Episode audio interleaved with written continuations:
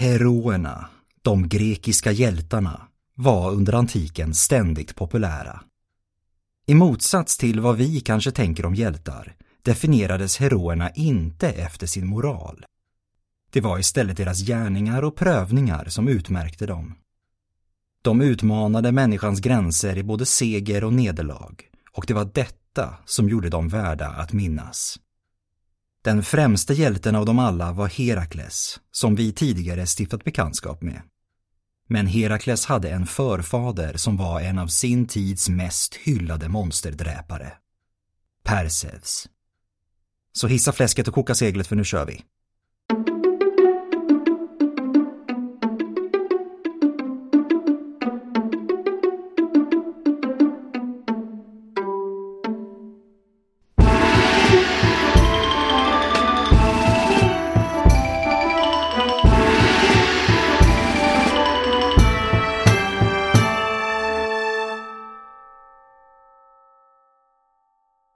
Hej och välkomna till Podius Castus, en podd om antiken. Jag heter Adam och detta minisnitt kommer att handla om Perseus. Tillsammans med Kadmos och Bellerofon var han den främste av de grekiska heroerna innan Herakles dagar. Ordet hero har två betydelser och den ena behöver inte utesluta den andra. Antingen är det den dödliga avkomman till en människa och en gud en så kallad halvgud. Eller så är det en död person vars dåd i livet skänkt kraften att skydda de levande.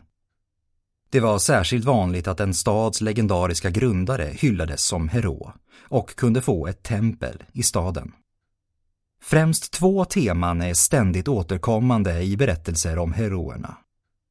Först har vi det äventyrliga uppdraget, en svår resa som företogs för att hämta hem ett särskilt pris. Sedan har vi den hårda kampen mot ett fruktansvärt monster. I kombination utgör dessa två teman kärnan hos den klara majoriteten av hjälteberättelserna. Och så även för Perseus. Vår berättelse tar sin början i staden Argos. Här härskade kung Akrisios, som blivit frustrerad över att han bara fått en massa döttrar och ännu ingen son. Som man gör sökte därför Akrisios råd från oraklet i Delphi. Men det gick inte alls som kungen tänkt sig. Han fick nu höra att han en dag skulle dödas av sin dotter Danais son. Akrisios kunde inte riktigt hantera denna profetia och beslöt sig för att till varje pris hindra Danai från att bli gravid. Han låste in henne i en kammare av brons, utan dörrar och fönster och endast öppen mot himlen. Vilket i grekisk mytologi är helt fel riktning att hålla öppet mot. Zeus verkar ha tagit det hela som en utmaning och kom till Danai i form av ett gyllene regn, hans kanske mest stilfulla entré. Kort därefter födde Danai en son, Perseus.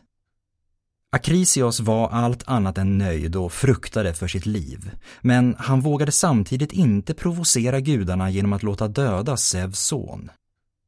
Istället förvisade han sin dotter och dotterson genom att sätta dem i en kista av trä och knuffa ut dem på det öppna havet. Mor och son skulle till slut komma att flyta i land på ön Serifos, där de hittades och togs in av fiskaren Diktys. Men otippat nog hade deras problem bara börjat. Det var nämligen så att Diktys bror var Polydeuktes som härskade på Serifos. I takt med att Perseus växte upp skulle Polydeuktes komma att bli allt mer intresserad av Danai, som av allt att döma inte alls var lika på. Perseus ansåg Polydeuktes vara allt annat än ärbar och gjorde sitt bästa för att hålla honom långt borta från Danai. Polydeuktes behövde alltså bli av med Perseus och han visste precis hur han skulle gå tillväga. Han lät bjuda in Perseus till en stor bankett där alla gäster förväntades ha med sig en gåva som bestämts av inbjudaren. Gåvan som Polydeuktes krävde var en häst, något som Perseus varken hade råd med eller möjlighet att ge bort. Istället bad Perseus om att få ge bort något annat och tillade att han inte skulle vägra gåvan oavsett vad Polydeuktes svarade. Ytterligare ett återkommande tema för heroerna är att de är experter på att sätta sig själva i onödigt svåra situationer. Polydeuktes krävde gorgonen Medusas huvud. Gorgonerna var tre monstruösa systrar som levde i en grotta vid världens ände. Deras huvuden var täckta av ormar, ur deras munnar växte betar, deras händer var av brons och alla som mötte deras blick blev till sten. Två av systrarna, Steno och Evriale, var odödliga, men den tredje systern, Medusa, var dödlig. I de äldsta myterna var gorgonerna döttrar till uråldriga havsgudar. Men i en senare version av myten, som återfinns hos Ovidius metamorfoser, var Medusa ursprungligen en människa med ett av de mer tragiska ödena från antiken. Havsguden Poseidon, som inte ville vara mycket sämre än sin bror Zeus, förgrep sig på henne i ett tempel tillägnat krigsgudinnan Athena. Som om det inte vore nog bestraffade gudinnan Medusa för att ha besudlat hennes tempel och lät förvandla hennes hår till giftiga ormar. Och det var nu alltså henne som Perseus var bunden till sitt ord att döda. Athena, som ofta agerar mentor åt heroerna, som ju ofta var hennes halvbröder, instruerade nu Perseus att finna Hesperidernas trädgård här skulle Perseus finna de vapen och hjälpmedel han behövde för sitt hjältedåd. Men Hesperiderna var allt annat än lätta att hitta, så på Athenas inrådan sökte Perseus först upp grajerna. Grajerna var tre evigt gamla kvinnor, ålderdomens personifikationer, som delade på ett enda öga och en enda tand. Och till råga på allt var de systrar till gorgonerna. Därför var det kanske inte så konstigt att de vägrade tala om för Perseus var Hesperiderna höll hus. Men Perseus såg sin chans när grajerna slussade det enda ögat mellan sig. Snabb som blixten ryckte han till sig ögat och sa att han endast lämnar tillbaka det om grajerna besvarar hans fråga. Utpressningen gick hem. Perseus höll sitt ord och begav sig sedan iväg. Från Hesperiderna fick Perseus kibisis, en magisk säck som på ett säkert sätt kunde hålla Medusas huvud. Han fick också ett sorts svärd med en skära, en harpe, gjord av adamant och alltså oförstörbart. Av Zeus fick han låna Hades hjälm som gör bäraren osynlig. Dock högst oklart om Hades var okej med utlånet. Hermes lånade ut sina bevingade sandaler och Athena bidrog med en välputsad bronssköld. Utrustad av gudarna kunde nu Perseus äntligen bege sig till Gorgonernas grotta. Väl framme smög sig Perseus in i mörkret och inom kort råkade han på den sovande Medusa. Med hjälp av spegelbilden i bronsskölden kunde han undgå att möta hennes blick och högg av hennes huvud. Medusa var gravid med Poseidons barn och i samma stund som hennes huvud höggs av föddes två varelser ur hennes nacke. Chrysaor, en ung man, och Pegasos, en bevingad häst. Perseus blev omgående anfallen av Medusas systrar, men med hjälp av Hades hjälm lyckades han undkomma dem och fly från grottan. Medusas huvud hade han i säkert förvar i sin magiska säck. På vägen hem gjorde Perseus ett stopp i kungadömet Etiopien. Här styrde kung Kefios och drottning Cassiopeia. Cassiopeia hade högt och tydligt förkunnat att deras dotter, prinsessan Andromeda, var lika vacker som neriderna, havsnymferna. Detta hade gjort Poseidon mycket upprörd och förnärmad och han hade därför sänt havsmonstret Ketos att terrorisera Etiopien. Och visst kan vi komma överens om att Hades i modern populärkultur får alldeles för mycket skit i jämförelse med sina två bröder. Amons orakel hade förkunnat att det enda sättet att blidka Poseidon var att låta offra Andromeda åt havsmonstret. Hon kedjades därför fast vid en klippa på stranden och det var här som Perseus hittade henne.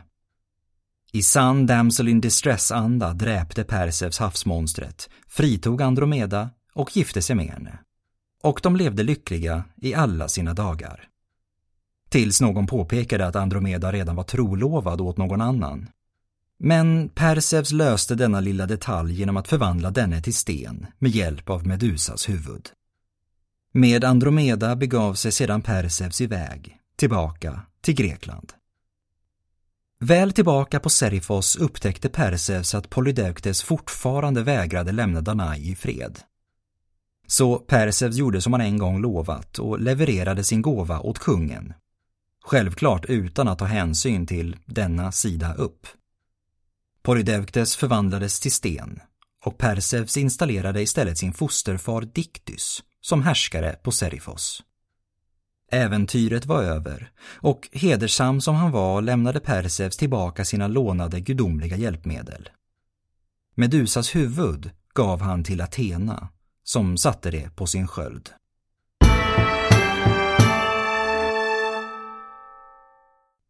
Minns ni Akrisios, Perseus morfar som fick totalspatt över profetian att Perseus skulle döda honom? Det finns olika versioner av hur oraklet i Delphi fick rätt angående Akrisios död. I den första versionen återvände Perseus inte till Argos utan reste istället till Larissa där han ställde upp i en idrottstävling. När Perseus kastade diskus råkade Akrisios, som var där på besök, hamna i vägen för diskusen och dog på fläcken. Enligt en annan version återvände Perseus visst till Argos, varpå Akrisios gick i frivillig landsflykt till Larissa. Under ett begravningsspel för stadens avlidne kung kastade Perseus en diskus som flög snett och träffade Akrisios, som dog omedelbart.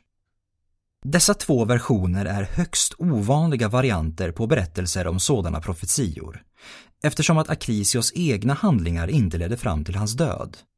Det var i båda fallen en olyckshändelse. Det finns dock en tredje version, helt utan diskus, som ändå får anses vara vanligare, åtminstone rent tematiskt. Under tiden Perseus och Danai levt på Serifos har Akrisios blivit avsatt och tvingad i landsflykt av sin bror Proitos, som nu härskade i Argos. Perseus använde Medusas huvud för att förvandla denne till sten och återinstallerade sedan sin morfar på tronen. Men Akrisios var aldrig en särskilt klipsk person och när Perseus berättade om sina äventyr anklagade Akrisios honom för att ljuga. Perseus gudomliga blod rann till. Han ryckte upp Medusas huvud ur sin säck och Akrisios förvandlades till sten. På ett eller annat sätt blir alltså Akrisios dödad av Perseus, vilket gjorde att hjälten nu befann sig näst på tur i tronföljden. Men istället för att bli kung i Argos genomförde Perseus ett byte med kung Megapentes av Tiryns. De bytte helt enkelt riken med varandra och Perseus blev nu kung i Tiryns. Enligt vissa versioner skämdes Perseus över att bli kung för att ha dödat sin morfar. Men det kan också ha funnits en mer realpolitisk orsak bakom bytet. I den tidiga grekiska litteraturen poängteras det gång på gång att ett mord kräver landsförvisning. Att då istället bli kung i en annan stad blev därför en kreativ lösning på detta problem, samtidigt som Megapentes lyckades undvika att bli till sten. Win-win som vi säger på grekiska. Perseus och Andromeda härskade sedan i Tiryns, men deras officiella residens skulle komma att bli Mykene. Det råder skilda meningar under antiken kring huruvida Perseus faktiskt grundade Mykene eller om han bara byggde ut staden. Hur som helst skulle det vara i Mykene som hans efterlevande härskade som kungar, hela vägen fram till Eurystevs, den kung som Herakles tjänade. Perseus och Andromeda fick sju söner. Perses, Alkaios, Heleos, Mestor, Stenelus, Elektrion, vars dotter Alkmene var mor till Herakles, och Kynoros, samt två döttrar, Gorgofone och Autokte. Sonen Perses blev kvar i Etiopien och ska enligt grekisk tradition ha varit en förfader till perserna som tog sitt namn från honom. Hur Persefs dog är inte helt säkert, för hans död ägnas knappt något utrymme alls i de äldre traditionerna. I en senare romersk version är Megapentes son till Akrisios bror, Proitos, han som Persefs dödade, och Megapentes hämnas i sin tur genom att döda Persefs. Men kanske är det mest troliga att Persefs ursprungligen helt enkelt inte dog på ett särskilt spektakulärt sätt, utan tynade bort av ålderdom i Mykene. Efter sin död blev han hur som helst upplyft i himlavalvet av gudarna, där han faktiskt finns kvar än idag på den norra stjärnhimlen tillsammans med sin drottning och sin svärmor.